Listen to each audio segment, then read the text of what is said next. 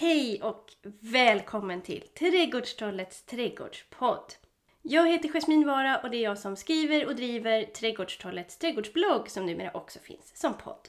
Och nu blir det reklam för egen verksamhet, för nu finns min kurs Färska tomater året runt online. Det är en av mina mest uppskattade föreläsningar som jag nu gjort om till en entimmes onlinekurs med nedladdningsbar workbook. Jag har ju hållit en föreläsning som heter just Färska tomater året runt i några år nu. Och många som lyssnar på den har fått mer smak, så det här är som en mer personligt anpassad version. En timmes workshop där jag lär dig välja och kombinera sorter för att få så lång tomatsäsong som möjligt, hur du lyckas med pianolotomater och var du får tag på spännande tomatfrö.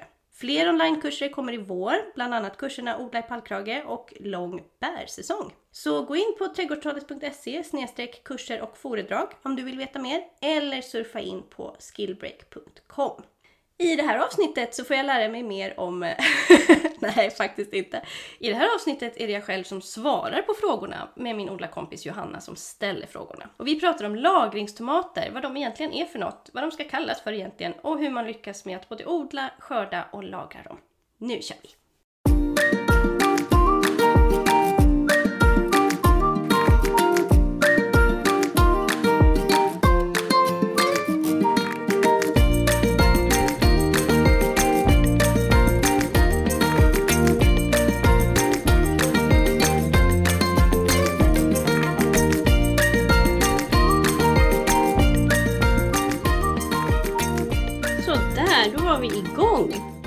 Hej och välkommen till podden! Det är ganska mörkt här ute. Eh, Vi är två nattugglor faktiskt som eh, sitter här och ska podda.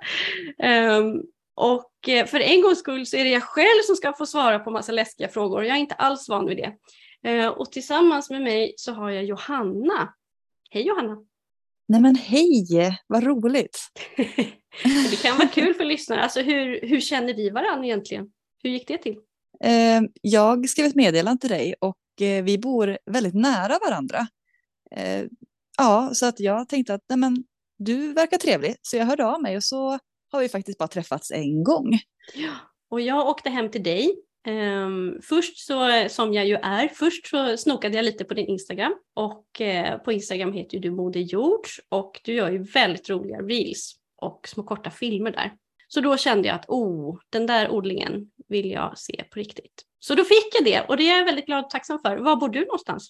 Ja, jag bor i Uppland, eh, zon 4, eh, utanför Uppsala eh, bor jag. Så att eh, det är inte så långt ifrån dig faktiskt. Nej, precis. Jag bor ju också i zon 4. Sen kan det ju förstås finnas många olika zoner i en och samma trädgård. Ja, Och vi precis. har ju lite olika odlingsförutsättningar. Du har till exempel växthus, du odlar på Mm. friland och du odlar lite i pallkrage. Och sen fick jag reda på nu här idag att du minsann har ännu mer odlingsyta än vad jag fattade när jag hälsade på dig förut. Ja, den höll jag hemlig. Jag arrenderar en liten mark, men den är väldigt eh, eländig just nu. Den, har, den är precis nyarrenderad. Eh, En liten fårhage utanför mig som jag Mm. försöker göra någonting av. Vi får se vad det blir av det. Ja, alltså man brukar kunna få betydligt mer skörd än vad man tror. Så det ska bli väldigt spännande att följa din lilla hemliga, det är inte så hemlig längre när ni är på din, din hemliga odling där eh, på Instagram. Men nu är det ju så här. Eh, för eh, ganska länge sedan så hade jag ett samtal med, vem var det? Var det Daniel på Fröbanken tror jag? Och eh, då beklagar jag mig lite så här att oh, det var så många spännande ämnen som jag ville prata om men det var inte alltid så lätt att hitta en gäst som ville vara med. Och då kläckte Daniel den briljanta idén att ja men kan inte du vara gästen då? Nö, tänkte jag, jag kan inte intervjua mig själv. jag pratar med mig själv, det blir jättekonstigt. Men då har jag stora turen att du ville ställa upp Johanna. Ja, jag tänkte det. Jag tänkte leka dig en liten stund så får du svara på lite frågor eh, som vi lyssnare är nyfikna på. Eller hur? För det är ju så här, jag har jättelänge velat göra ett avsnitt om bland annat lagringstomater eller vintertomater eller pianolotomater eller vad man nu väljer att kalla dem för. Och du hade ju inte odlat sådana. Nej, det stämmer. Jag har odlat tomater i 17 år, men jag har inte eh, kört, kört på att odla vintertomater eller pianolotomater. Eh, det är faktiskt ganska nytt. Nu har Mm. du chansen här. Ja, jag har ju liksom snokat och... Bombarderade mig med alla frågor som du kan komma på. Ja, men precis. Jag har liksom Ja. nosat lite och jag tittar på din, eh, din Instagram och din blogg och sådär. Eh, men det har liksom inte kommit mig för. Eh, jag, inte riktigt, jag har inte riktigt ri- letat heller efter, efter just eh, pionoltomater. Men jag har ändå så att fundera på, ska jag inte? Ska jag inte odla det här? Men det är ju det här med kunskapen. Då behöver man ju någon som kan någonting och då har vi ju dig här. Ja, och genast kände jag pressen. Ja. ja, nej men det är ju så här, alltså lagringstomater och allt det här. Jag ehm, har inte odlat det superlänge heller, faktiskt. Jag Hur har ju länge då? odlat det sen, uh, svår fråga, det här med tid, jag har ju så dåligt tidsperspektiv. Mm. Men jag tror att jag började någon gång 2017 med Mm. sådana. Och eh, det var en, ehm, jag ska inte säga katastrof, katastrof är ett väldigt starkt ord. Men det gick inte så bra. Det var Okej. något av en besvikelse, så mycket kan vi säga. Vad var det som Eh, hände då? Ja, alltså jag, till att börja med så fick jag väl inte tag på någon sån här dundersort kanske. Eh, jag började med princip borghese. Förlåt nu farbror Grön-Johannes, jag vet att om du lyssnar nu, jag vet att det är en av de sorterna som du själv är väldigt förtjust i. Men smaken är som baken och eh, jag odlade ju den då glatt och tänkte föreställa mig att jag skulle göra en sån här snygg klase och hänga upp. Eh, och det gjorde jag också. Problemet var att jag hade ju liksom föreställt mig då att den här lagringstomaten skulle lagra väldigt länge och eh, det gjorde den ju inte då. Det Mhm. började droppa lite och det började Åh, lukta nej. lite och det kom lite flugor. Och... Åh. Nej. Man tänker ju att det är så man ska göra. Alltså så tänker ju jag. Alltså, ja, men man odlar och så, så hänger man upp den lite fint och så är den snygg och så ska den, kan man plocka från den där i fönstret. Ja, och det är väl det som är tanken. Men sen är det ju så här att det är som alltid, nu blir det tomatpredikan här, det är ju skillnad på sort och sort. Såklart. En jätteskillnad på sort och sort faktiskt. Och eh, det är inte alla lagringstomater som lagrar så bra. Och sen är det också det här med hur man skördar, hur man gödslar eh, och så vidare. och så vidare. Det är mycket av det där som påverkar hållbarheten. Så att även om man odlar en och samma tomat flera år i rad så kan det vara så att hållbarheten är bättre vissa år och sämre andra Mm. år. Ja men okej, men nu du har odlat lite tomat, eller det, det gick lite sådär 2017 och så. Men Diplomatiskt. Ja, mm, diplomatiskt sagt. Ja, det gick åt men- pipsvängen rent ut sagt. Och min kära sambo han tittade på mig och tyckte att jag var lite knäpp som ville göra det där nästa år igen också. ja, men man vill ju inte ge sig. Alltså om man väl har bestämt sig för att man vill någonting så är väl, då vill man prova igen, eller? Ja, nej men alltså verkligen. Ja, så är det. Om någonting går riktigt dåligt då blir jag så här, nej men gud, den här koden måste jag ju knäcka. Och då vill jag ju, då, då vill jag ju, jag vill ju att det ska bli rätt nästa gång liksom. Mm. Ehm, Så att eh, jag har ju fortsatt att försöka och tack och lov då med tiden så har jag hittat andra sorter som är bättre. Det kan ju också vara intressant att veta, alltså jag eh, odlar ju zon 4 precis som du. Men du har ju inte varit hemma hos mig. Nej, det har jag inte. Och min, eh, mina odlingsförutsättningar är radikalt annorlunda än vad dina är. Mm. Eh, Jag har en tomt som är blåsig. Det är ett riktigt blåshål, det är kallt. Så att jag odlar mina tomater i kruka. I alla fall de flesta odlar jag i kruka vid en ladugårdsvägg som jag kallar för tomatväggen. Eh, där det är soligt och lä och söderläge och göttigt och härligt. Sen odlar jag tomater på andra ställen också. Jag odlar i dubbel pallkrage nere i pallkragsodlingen och på verandan och sådär. Men liksom det göttigaste, bästa stället, det är tomatväggen. Mm. Och eh, alltså inget växthus. Och ändå så går det bra med de här lagringstomaterna numera. Okej, vad, vad är hemligheten då? Ja. Jag kan säga att hemligheten är att man ska inte ge sig, men man ska framförallt också ha rätt sort, eller man ska ha kanske lite bättre sorter än princip borghese. Mm, Ehm, mm. Jag personligen tycker att den är en hösttomat. Jag vill inte ens kalla den för vintertomat för jag tycker den lagrar så dåligt. Men det finns ju andra sorter som lagrar betydligt bättre. Och sen är det också, nu, nu slarvar ju vi, alltså nu sitter det säkert någon då som är jättepåläst om de här eh, lagringstomaterna. Man kan ju fundera lite på vad man ska kalla dem för också. Vad, vad brukar du säga? Hur, hur har du koll på dem? Alltså, jag säger nog pianolotomater, för det är det jag har hört, Mm. hört talas om. Och vintertomat har kommit lite senare i mitt ordförråd. Eh, men jag vet faktiskt inte vilket som är rätt. Eh, Om det är pianolo eller vintertomat eller om det ens är samma.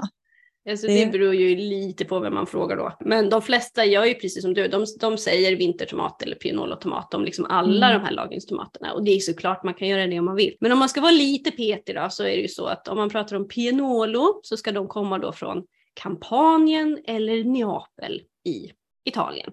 Mm. Och om man pratar om vintertomater, då ska de komma från Apulien i Italien. Och då kan man ju fråga sig, finns det bara sådana här lagringstomater från Italien? Nej, det finns det inte. Men alltså italienarna är ju inte unika på något sätt. De är ju inte bäst på lagringstomater om någon trodde det. Men de är bäst på marknadsföring. Det har de svart bälte i minsann. Så ah, att, eh, de är ju duktiga på att liksom muta in de här orden och så kan man säga. Men det finns ju sådana här tomater, alltså lagringstomater från USA, från Ryssland, från alla möjliga länder, från olika europeiska länder. Från Spanien finns det jättemånga. Mm. Um, så att jag, alltså, och de kallas ju för allt möjligt. Alltså folk, och det är det också som gör att det är så svårt att hitta frö, därför att de har så många olika namn. De kan kallas för lagringstomater, långlagringstomater, evighetstomater, hängtomater, longkeeper om du söker på engelska. så det är inte så himla enkelt alltså. Uh, så jag brukar säga vinterns tomater eller bara lagringstomater, men man får säga som man vill. Jag är inte så, jag är inte så kinkig ja, på den punkten. Om man tänker, jag som inte har odlat det här och faktiskt ganska nyligen fick upp ögonen för pianolotomater. Eh, men du hittade dem 2017.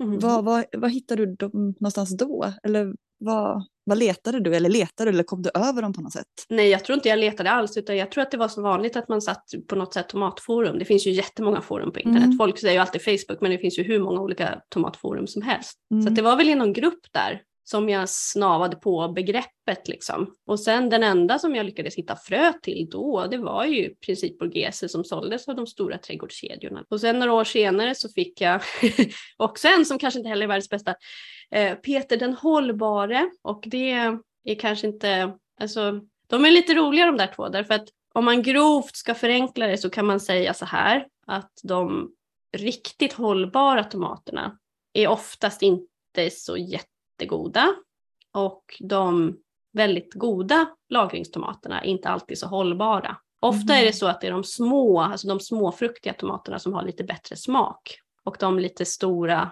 liksom, runda tomaterna som, som lagrar väldigt bra men som kanske har sämre smak. Det är inte alltid så, men om man ska grovt generalisera för att få någon slags liksom hum så, så är det så. Och Peter den hållbare är ju liksom, det är ingen smaksensation om du frågar mig. okay. Så det var kanske inte heller liksom supertoppen så. Men sen fick jag så småningom, tack vare då de här forumen, så jag, jag gnällde väl och, och klagade lite där. Eh, och då var det folk som tipsade mig vidare om, om andra sorter som var bättre. Mm. Och då gick det ju bättre också såklart. Okej. Men när du säger hållbara tomater, alltså vad, vad är en hållbar pionoltomat eller vintertomat? Hur länge håller en så? Vad kan jag förvänta mig? Mm, alltså det är lite olika. Eh, det där är också en definitionsfråga som så mycket. Men eh, man brukar väl säga de som inte lagrar så jättebra lagrar kanske 3-4 månader. Mm. Och de som lagrar väldigt bra kan lagra, då brukar det stå 6 månader eller mer. Och jag har Vesuvio Giallo, alltså en gul pianolotomat som har lagrat i över ett år. Okej. Och den smakar? Ja, det är den gyllene frågan då. alltså den smakar, det är också lite så olika. Vissa sorters lagringstomater är godast som färska och sen tappar de långsamt smaken. Och sen finns det andra som inte smakar någonting alls nästan som färska men som får mer smak. På något sätt så blir de, för de blir lite, lite så här skrynkliga med tiden. De ruttnar inte men de kan bli lite skrynkliga med tiden och då är det precis som att smaken blir mer koncentrerad på dem så att det kan vara väldigt olika från sort till sort. Just Vesuvio gallo när den har lagrats ett helt år då är inte den kanske någon smaksensation, då smakar den typ tråkig tomat. Alltså vattnig tomat typ, mm. ointressant. Mm. Smak, halv, halvt smaklös tomat. Men som färsk är den jättegod tycker jag. Och om man lagrar den bara i några månader så är den fortfarande god. Men det går ju inte liksom att jämföra med typ så en Sungold eller en Mayway eller någonting. Alltså, jag, jag har ju pluggat pomologi och då brukar man ofta prata om äpplen. Pomologi är ju mm. mer än bara äpplen, men då brukar man prata om sommaräpplen, höstäpplen och vinteräpplen. Och jag tänker att man kan se på de här tomaterna på samma sätt. Att man kan liksom inte jämföra en lagringstomat med en söt godissallads sommartomat, för det är liksom inte samma sak. Det blir som att man jämför äpplen och päron på något sätt. De här lagringstomaterna är ju lite mer för matlagning på vintern. Det är inte meningen att man ska ha dem i liksom en grekisk sallad. Så. Nej, just det. Man kan det om man vill, Men alltså det är ingen smaksensation. Så. Det, det, skulle jag inte säga. Men de är fortfarande godare än de här tråkiga tomaterna man köper på mataffären. Ja, precis. Det var det jag tänkte. Att så här, skulle du föredra att ha lagringstomater hemma än att gå på vintern och köpa dig en tomat i Absolut. Icas disk? Mm. Absolut, definitivt. Och det är därför jag odlar de här tomaterna. För att de är ju de är ju ändå bättre på så vis. Men sen är det också vad man gör dem till och vilken sort och sådär. Men, men vissa sorter är godare än andra. Kenneth Pianolo är till exempel jättegod. Mm. Eh, kan inte heller tävla med en Mayway eller med en Sungold. Men nu pratar vi inte liksom så, utan nu pratar vi om inom kategorin lagringstomater så tycker jag att Precis. Kenneth Pianolo är god. Vesuvio Giallo tycker jag också är god till exempel. Så att eh, det finns ju. Men om jag ska gå tillväga då, om jag ska odla nästa år pianolotomater, vad, vad ska jag börja? Vad tycker du? Ska jag, först måste jag få tag på frön. Var mm. hittar jag frön någonstans? Bra frön, om mm. vi inte ska gå på några tråkiga, dåliga sorter. Liksom. Precis, och då är det ju så. Alltså det finns ju det finns privatpersoner som säljer frö och eh, det är inte alltid man får så jättebra kvalitet på de fröna. Eh, om man köper tomatfrö av en privatperson på till exempel nätet Eh, då kan man ju ställa lite sådana ledande frågor först och försäkra sig om att den här personen har lite koll på fröodling, för det är inte alla som mm. har det. Eh, men om man, det brukar annars vara det snabbaste, lättaste sättet att köpa av andra privatpersoner. Via till exempel Facebook, någon köp-säljgrupp. Men det finns det. svenska fröfirmor som har, men då har de kanske en eller två sorter i sitt sortiment, så det är ingen idé att tipsa om dem. Så att därför tänker jag tipsa om utländska fröfirmor istället. Mm. Och den som har allra, allra bäst utbud just nu, det är Meraki Seeds, alltså Helena Rutström i Grekland. Hon mm. har det bästa utbudet av just lagringstomater som jag känner till just nu. Och sen finns också Creation Seed Store, där kan man också titta.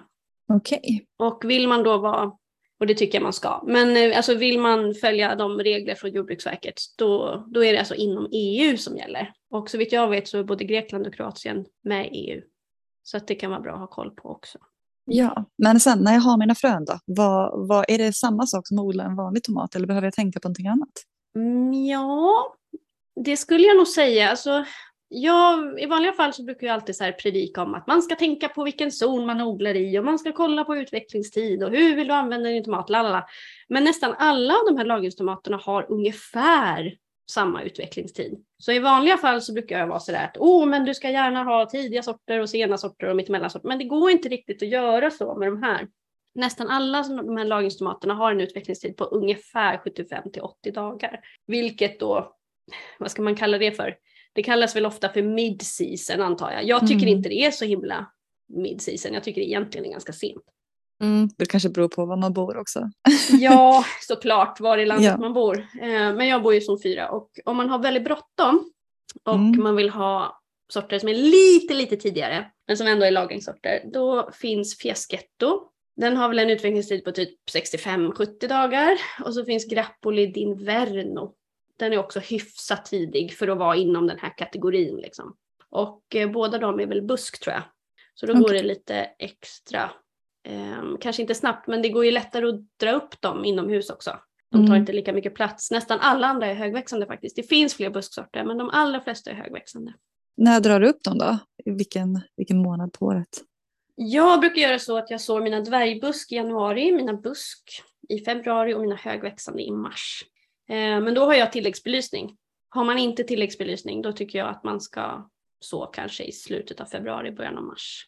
Mm. Faktiskt. Och eh, det är många som menar på då att så här, ja men lagringstomater är lite speciella, man ska inte skörda dem som vanliga tomater, man odlar dem egentligen ungefär som, alltså vad gäller det här med sådd och sådär, ungefär som vanliga tomater.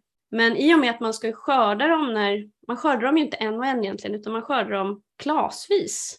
Och då är tanken att man ska göra det när ungefär 50% eller 70% av klasen är mogen. Och då är det vissa som menar på att oh, men eftersom man ska skörda så tidigt så gäller det att man sår dem extra tidigt. Eller så Men jag håller inte med om det. Jag tycker man odlar dem precis som, som andra tomater vad gäller sådd. Faktiskt. Men, men det skördandet är jätteviktigt för hållbarheten. För om man skördar mm. när hela klasen är mogen, då smakar de bättre, men de får väldigt dålig hållbarhet.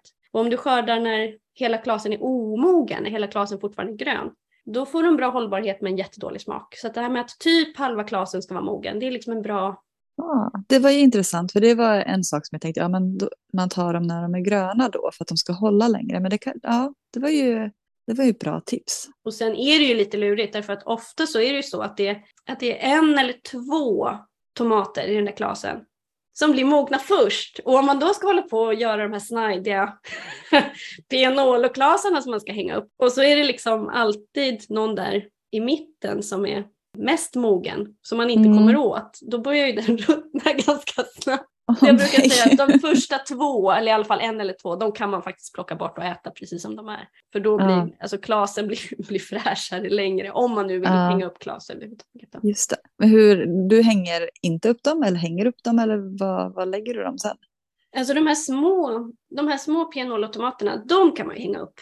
Eh, men de här Mm. stora, en del är ju typ stora som tennisbollar. Ja, De är kanske- väldigt svåra att hänga upp. Jag tänker se ut som en julgran i hela Ja, alltså det, köket. det problemet är att de är väldigt fina under en kort stund för förr eller senare så Mm. lossnar de och så men till skillnad från tennisbollar så studsar de inte då utan de går ju sönder. Ehm, så att de stora tunga de tycker jag man kan ha i typ, de kan man lagra i, på brickor eller i äggkartonger eller egentligen så lagrar de bättre om de får ligga luftigt. Mm. Så att man Mörkt eller liksom- ljust? Ja, det, alltså, det spelar egentligen inte så stor roll, men det ska inte vara i ett fönster. Ofta så ser man ju såna här um, pianoloklasar är ju något av det trendigaste och liksom de värsta skrytbilderna som finns nu på, på sociala medier. Och ofta så ser man ju någon influencer som hänger upp liksom en massa här klasar ovanför en spis eller i ett fönster. Så här. Oj vad tjusigt. Problemet Mm. är ju att det är ju väldigt omväxlande temperatur där. Temperaturen stiger och sjunker och stiger och sjunker. Om det är ett fönster då blir det varmare när solen ligger på. Så blir det svalare när solen går i moln. Så Mm. det viktigaste är att det är en jämn temperatur. Helst runt 18, mellan 15 och 18 plusgrader. Ah, Och så jämn temperatur. Sen om det är ljust eller men det ska liksom vara jämn temperatur. Så Aha. kanske om man har en väldigt bra jordkällare eller om man har en, en ganska så isolerad kattvind eller om man bor i lägenhet, man kanske har en bra trappuppgång eller man kanske har ett lite svalare rum eller sådär.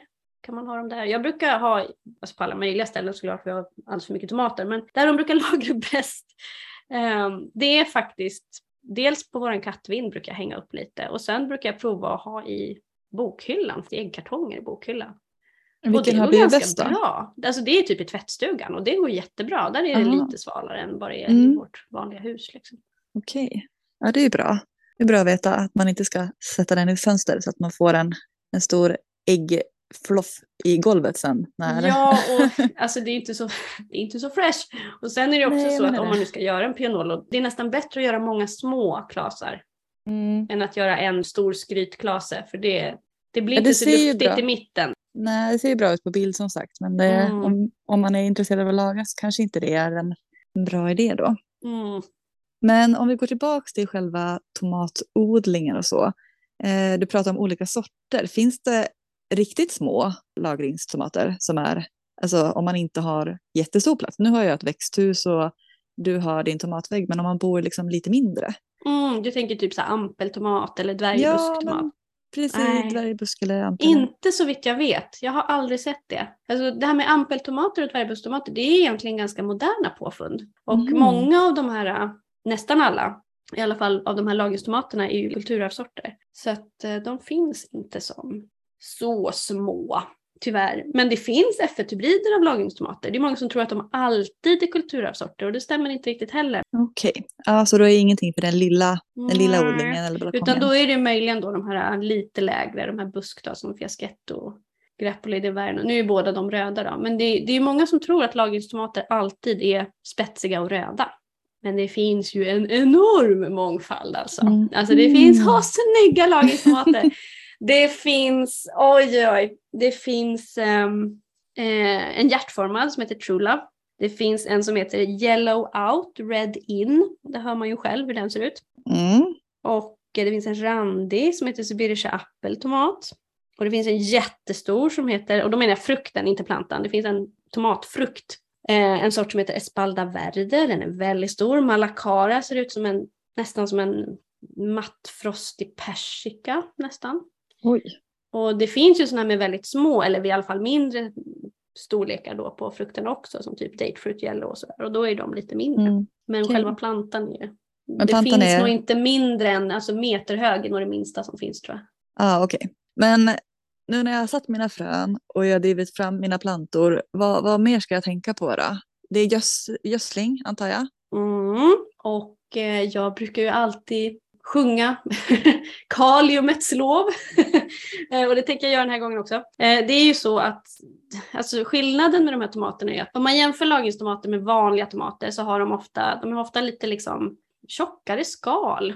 Och de Mm. är som, man kan, man kan känna, de känns nästan som att de är lite hårdare när man har dem i handen. Som att de är liksom lite mer så pumpade med luft eller vad man ska säga än vad vanliga sommartomater är. Och för att de ska verkligen få ett sånt där bra skal, och så bra smak såklart, men, men för att de ska få ett bra skal, då behövs det mineraler. Mm. Och många av de här sorterna kommer ju ifrån ja men typ så här Vesuvius sluttningar och så här. De kommer från platser på jorden där det är en hög mineralhalt i marken. Så att de behöver det, dels för smakens skull, men också för att de ska lagra bra. Så att kalium, kalium, kalium och det finns kalium i alla möjliga gödsel, men man kan inte bara hålla på och ge massa kväve. Det, då får du Nej. jättemycket bladmassa. Man måste ge kalium och mineraler för att få mycket tomater, men också för att få just hållbara tomater. Och goda tomater. Vattnar du ditt gödsel? Eller Det beror hur? på.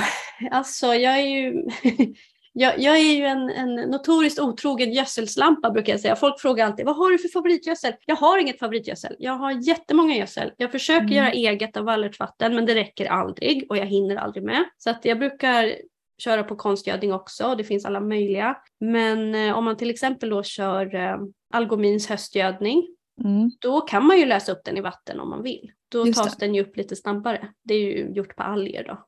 Så det är mycket bra näring i den. Men det finns ju annat, om man vill ha konstgödning så finns ju 11 518 till exempel. Den kan man också läsa upp i vatten. Så går det fortare, man måste inte, man kan strössla ut den och vattna på om man har bråttom. Men då tar det ju längre tid för den att tas upp. Föredrar du att vattna lite gödsel varje, varje varannan dag eller så här, gör du gödselgånger per liksom, säsong? Att så här, ja, först är det en stor pott och sen är det någon gång i, mitten efter några veckor. Alltså hur fördelar du? Jag går alltid ut hårt och är så himla duktig i början och då håller jag på med mitt liksom, hemmagjorda gödsel och då är ju det sånt som man spär ut med vatten så då är ju det flytande, då får de lite Mm. hela tiden. Men sen kommer, sen kommer den bistra verkligheten ikapp mig.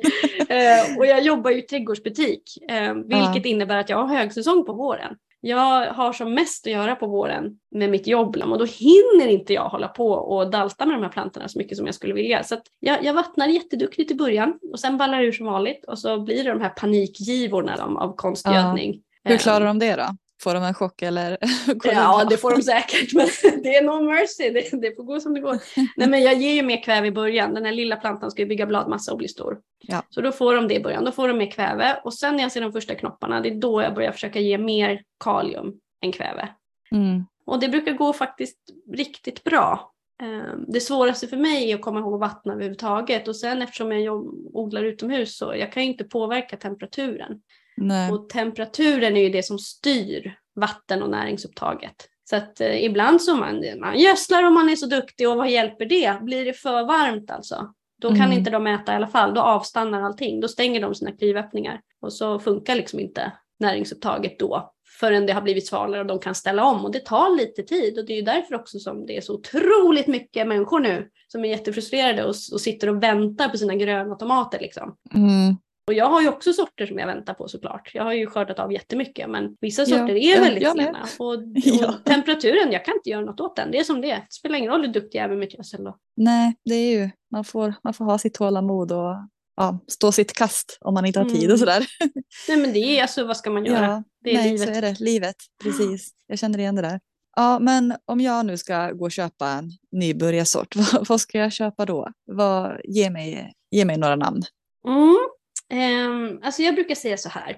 Ehm, folk frågar ofta så här, vilken sort är bäst? Och det gjorde inte du nu. Mm. Applåder säger jag, därför att det finns nämligen ingen sort som är bäst. Den optimala lagringstomaten existerar inte. Och det är därför man Åh, måste nej. kombinera. Man får kombinera flera sorter. Mm. Det tycker jag är tricket att lyckas. Och då kan man ju ta en som man tycker, eller en som, som folk tipsar en om, är väldigt god. Man kan börja med att ta en som är väldigt god. Och de har ofta lite sämre hållbarhet. Och så kombinerar man den med någon som lagrar lite bättre. Och så kan man ta en busksort.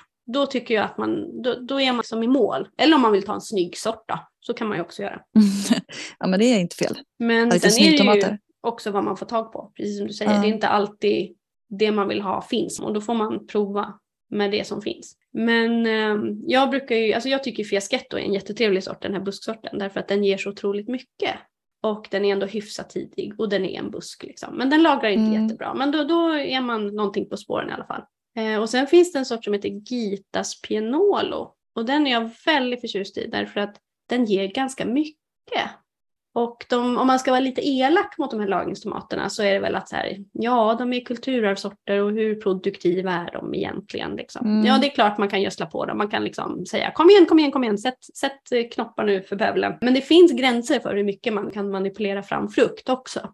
Men. Gitas ger ganska mycket för att vara en pianolo, tycker jag ändå. Ja men eh, vad, vad betyder det då? Jag som aldrig har odlat. Vad är ganska mycket för en pionolo-tomat? Mm, alltså, Vad kan jag förvänta mig när jag eh, odlar min pionolo för första gången och så står jag där och förväntar mig en viss mängd? Eller vad, vad liksom? jag fick väl ändå ihop typ tre klasar av en planta Gita tror jag.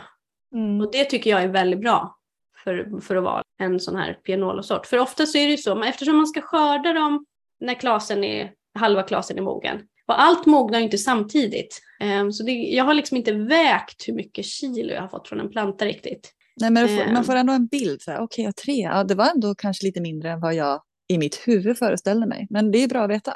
Ja, ja, alltså, men jag, okej. alltså det är ändå, det, det är ändå, det finns ju bilder man kan titta på bloggen om man vill, Mm. om man vill jämföra liksom. Men ehm, de som sätter ganska små tomater brukar ofta sätta många och de som sätter Mm. stora tomater brukar inte sätta lika många. Ja, men det är bra att veta för då kanske man behöver lite fler plantor än vad man... Ja, om man vill ja, ha... och, och sen liksom exakt mängd, det kan jag inte svara på. För det här med liksom självförsörjande, Mm. det är så olika hur mycket tomater man äter i olika familjer och så. Ja, precis. Absolut. Men jag tänker så här, vad man har för förväntningar om jag sätter två plantor. Vad, om jag förväntar mig att få tomater för hela vintern, kanske inte två plantor hade räckt för mig. Nej, då skulle jag säga att du behöver mer.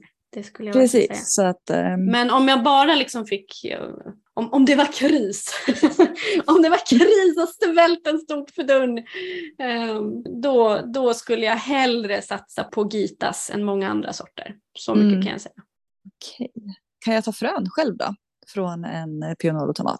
Ja, om det inte är en, en F1-hybrid så kan du ju det såklart. Och de flesta är ju kulturarvsorter så det går ju bra. Mm. Men tänk då på, och det här tror jag jättemånga glömmer bort. Tänk på det här med planteringsavstånd. Om det är så att man vill att sorten ska fortsätta vara samma sort, om man odlar i bevarande syfte. Om du, om, låt säga att du odlar, vad ska vi dra till med för rolig sort då? Låt säga att du odlar eh, eh, bombeta. Bombeta, jag tror att det är en spansk väldigt god och söt sort. Eh, låt säga att du odlar bombeta och du vill att bombeta ska fortsätta vara bombeta och inte bli korsad av Mm. någon annan sort. Tänk på det här med planteringsavstånd. Och tänk också på att du ska ha ett visst antal plantor. Det är inte så bra att bara ta frö från en enda planta år efter år efter år. För då degenererar den sorten. Eh, det är inte så bra. Alltså helst ska man ju ha liksom 10-20 plantor. Och det kanske man inte kan. Men om man bara odlar frö till sig själv är det inte så noga. Då kan man ju ha kanske fem plantor eller någonting. Men, men ju fler desto bättre. Och så att man försöker selektera och bara ta frö från de plantor som faktiskt beter sig som sorten ska vara. För det kan ju vara så, låt säga att jag odlar 20 plantor bombeta. Men två Mm. av dem ser inte ut som bombeta.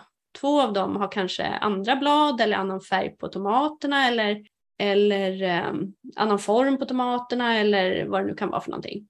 Och om jag vill att bombeta ska fortsätta vara bombeta då ska jag kanske inte spara frö från just dem. Jag kan ju odla vidare på dem om jag vill, att selektera och ta fram en ny sort. Men då blir det inte längre bombeta. Nej, just det. Och sen också att framförallt att fröet ska vara moget. Det här med att man tar frö från en pianolotomat som man har skördat grön, det är inte bra. Det blir jättedålig grobarhet på den, ofta ingen Mhm. grobarhet alls. Så då gäller det kanske att man, de där första en eller två, man kan ju låta dem bli riktigt övermogna. Och då norpar man dem och så tar man frö av dem. Okej. Men eh, varför tror du att det inte är så många som eh, har kommit över lagringstomater än? Att det inte har blivit så populärt? Mm, ja, alltså säkert är det många som helt enkelt inte vet om att de finns. Jag Mm. fattar inte varför de här stora trädgårdskedjorna, de här stora fröfirmorna, jag fattar faktiskt inte varför de inte hoppar på det här tåget. Därför att det går att ha egna färska tomater året runt. Det Mm. går, men då behöver man lagringstomater. Och eh, hur det här inte kan ha fått genomslag, det är helt obegripligt för mig. Det finns ju många italienska tomatsorter som de har tagit Europa med storm eller vad man ska säga. Mm. Men inga av dem är ju egentligen lagringstomater. De marknadsför man inte och det tycker jag är jättesynd. De är helt enkelt inte, de är ganska svåra att få tag på. Till och med när man letar efter dem så är det svårt att hitta dem. Om man inte vet vart man ska leta så hittar man dem inte. Det är ingen som liksom råkar odla en lagringstomat av misstag för att man har köpt den på, i fröstället på mataffären. Ehm, utan man får verkligen aktivt leta efter dem. En av de första sorterna som eh, blev liksom känd i tomatkretsar det är ju den här Kennets Pianolo. Känner du till den? Ja, jag har hört talas om den. Mm. Det finns ju alla möjliga sådana där, Gunillas Pianolo och allt vad de heter. Mm. Men Kennets Pianolo är väl den som är mest känd kanske. Och det, är, det var en person, en man som heter Kenneth. Jag vet vad han heter i efternamn men jag tänker inte hänga ut någon. Mm. Eh, och eh, han köpte ju då sådana här äh, lagringstomater, pianolotomater. Mm. Röda spetsiga på NK. Och eh, han tyckte de var roliga och han sparade frö av dem och odlade vidare. Och Mm. eh, så småningom så spreds de här fröna i tomatkretsar då. Och om man ska köpa lagringstomater, det finns ju ibland i mataffären och då kostar ju de svinmycket. Alltså det är helt sjukt. En klase sådana här lagringstomater kan ju kosta ja, men 500-600 kronor. Nej, skojar du? Det är helt Oj, det, det har jag sanslöst. inte sett, men det är ju, ja, det var, det var lite saftigt. Och man blir liksom, vad, men vad är den gjord av? Guld och diamanter liksom. Det är, det är helt otroligt. Så då känner man sig lite rik när man Ja, går men där alltså, hemma med sina plantor. Plockar Tänk sina vad du skulle kunna göra pengar på det. Ja, gud, Ja, säkert. herregud. Men det är också Ja. det här, alltså folk, jag tror också det att folk är man, man är så envist, eh, man har ju sin förförståelse för vad man tycker att en tomat ska vara. Och det är många som provar en sån här lagringstomat och tänker, nej men den var inte alls lika god som ja, en körsbärstomat. Liksom. Man bara, Mm, nej just men det det. är ingen körsbärstomat. Ja, det är vilka förväntningar man har. Ja. Men vad gör, vad gör du med dina lagringstomater då? Om vi, om vi nu ska ta bort den här förväntningen på en jättegod körsbärstomat. Utan så här, vad, vad ska vi ha dem till då? Om vi nu ska odla pianolo. Alltså man kan göra allt möjligt med dem. Eh, jag tycker man kan absolut kan eh, bara koka pastasås på dem. Eller så kan man göra semitorkade tomater. Man bara delar på dem och slänger in i ugnen tillsammans med olja och typ timjan och vitlök. Och så kör man dem på ganska låg temperatur i några timmar. Och då blir de, de sådär mushiga och härliga. Och sen kan man ju bara köra dem i en mixer eller finhacka och ha som pesto i pasta om man vill. Eller om man vill koka en gryta eller någonting och slänga ner några bara som de är. Så det finns allt möjligt man kan göra med dem tycker jag. Men just det här att liksom sallad eller så här på mackan. Jag vet inte. Det finns ju någon tradition tydligen. Jag kommer inte ihåg om det är Italien eller om det är Spanien. Att man just klämmer ut dem som de är på en macka bara. Och så mosar man och har på lite basilika och vitlök och så. Och det kan man väl göra om man vill. Men Ja, jag vet okej. inte om, om det är liksom det första jag skulle. ja, men varför inte? Ja, alltså visst. Alltså, det, alla är vi olika. Alla har olika preferenser. Man får ju prova sig fram. Men eh, jag kan ju säga så här att jag har ju haft jättemycket problem med Ponderosa till exempel. Och det finns folk som tycker Ponderosa är jättegod. Jag har aldrig riktigt lyckats med Ponderosa. Eh, Jag vet inte hur många år jag har odlat Ponderosa nu. Men jag tycker aldrig den blir riktigt, riktigt bra hos mig. Och då har jag ändå skaffat frö från olika håll så det beror inte på fröet. Du tycker inte att den lag, lagrar den inte tillräckligt länge eller känner du att den är så smak, alltså den Jag tycker den lagrar eller? jättelänge men jag tycker inte att den riktigt, jag tycker nästan inte att den smakar någonting alls. Och det är Ah, helt otroligt hur man kan ha en tomat som faktiskt inte smakar något. Ja, jo. Så att jag, jag får fortsätta experimentera. Det finns fullt med folk där ute som hävdar att Ponderosa visst är jättegod.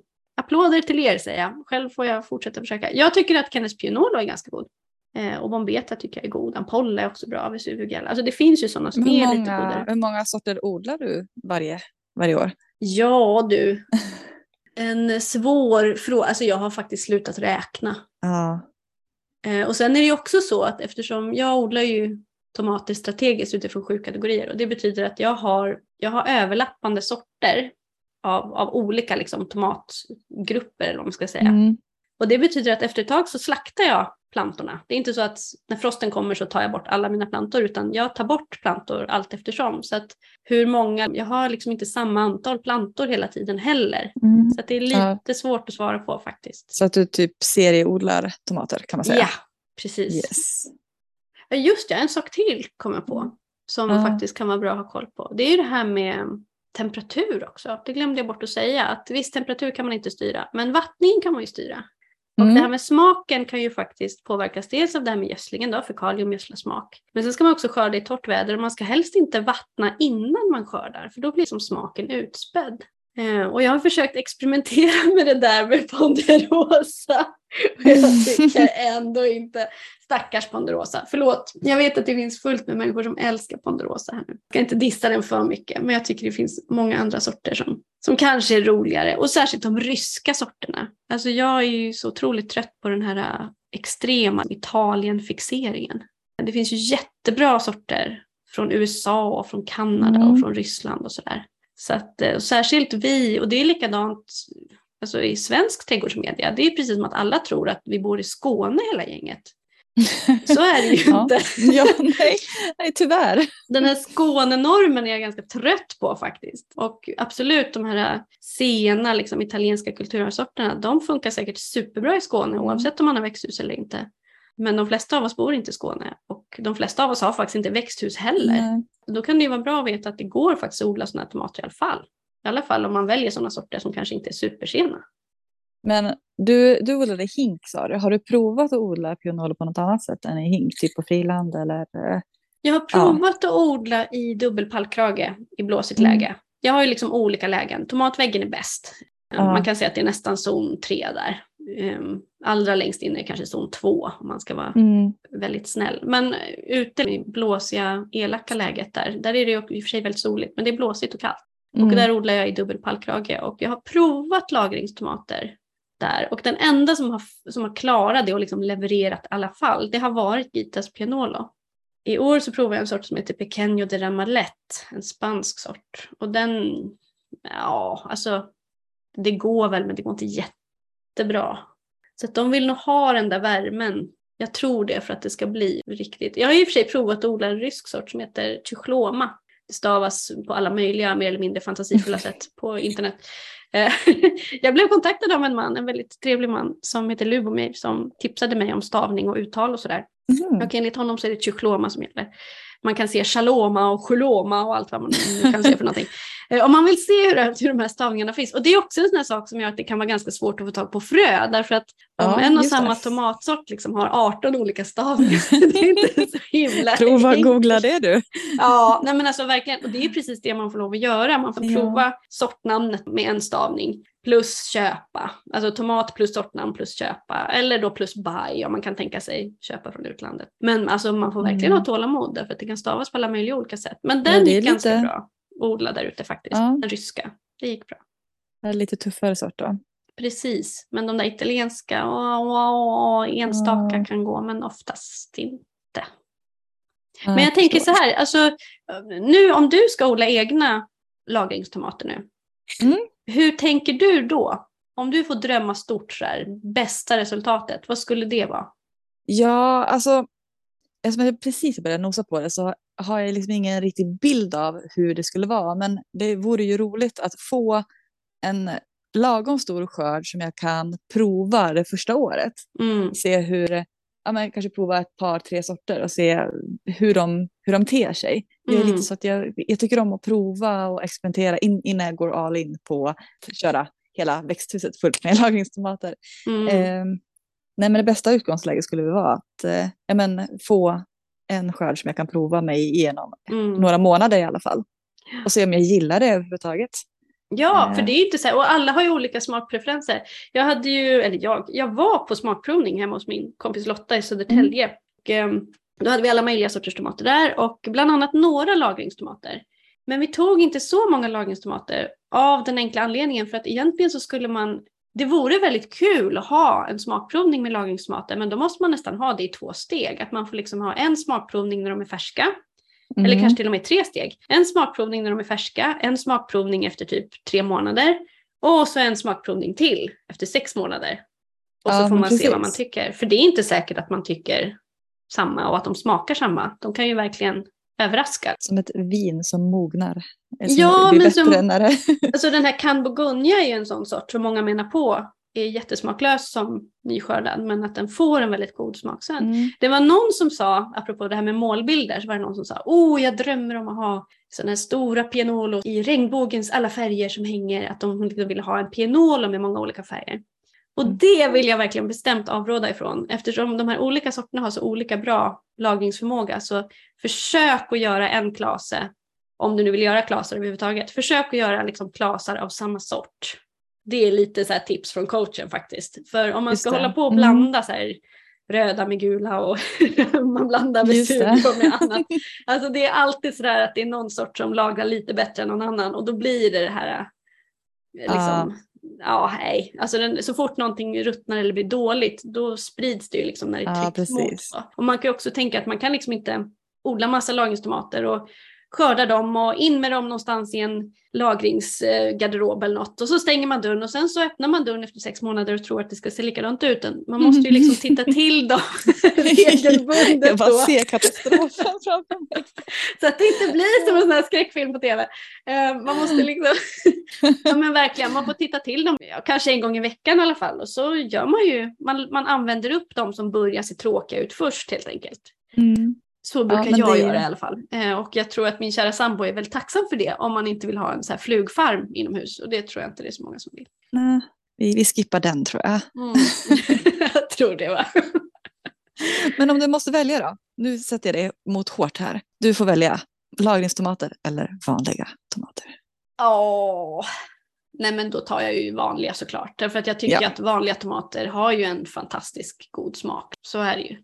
Men Ehm, icke ovärt att odla lagringstomater eftersom att du Mm. gör det. Och fortsätter Ja, alltså, jag det. odlar ganska mycket lagring. Och, det, och vad som är så intressant är ju att på sätt och vis, alltså, ofta så är det så här att man, man odlar, man odlar, man odlar och man tycker det är jätteroligt och sen så blir det slutet av sommaren och då är man ganska trött. Du skrev ju om Mm. det på ditt konto vet jag. Den här liksom stora Yes. odlingströttheten infinner sig. Plötsligt står man där så ska man ta hand om hela skiten också. Liksom. Ja. Det är hur mycket som helst. Det är squash och det är lök och det, brinner i knutarna för frosten kommer liksom. Mm. Och Oh, då är det ja. väldigt skönt med de här lagringstomaterna för det är bara knips, knips, knips, knips så är det färdigt. Så Det- skönt.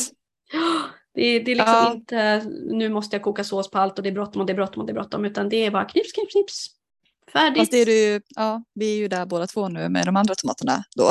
Ja! ja, då kan det vara skönt att ha de andra eh, lagringstomaterna och luta sig tillbaka och de får sköta sig själva. ja men det är verkligen så och sen också för nästan alltid så känner man ju så här oh jag borde ha odlat mer av det eller jag borde ha odlat mer av det. Mm. Och det enda som jag återkommer till att jag verkligen känner att herregud, det här hade jag behövt odla mer av. Det är just lagringstomater. Och fastän jag liksom odlar några plantor till för varje år och då drar jag ner på någon annan sort. Mm. Ehm, för det finns så mycket annat att äta då ändå när de här andra tomaterna mognar. Men just lagringstomater känner jag att fastän jag odlar lite, lite fler plantor för varje år så räcker det ändå inte därför att vi äter ju mer och mer. Och man blir bättre och bättre på att lära sig använda dem också.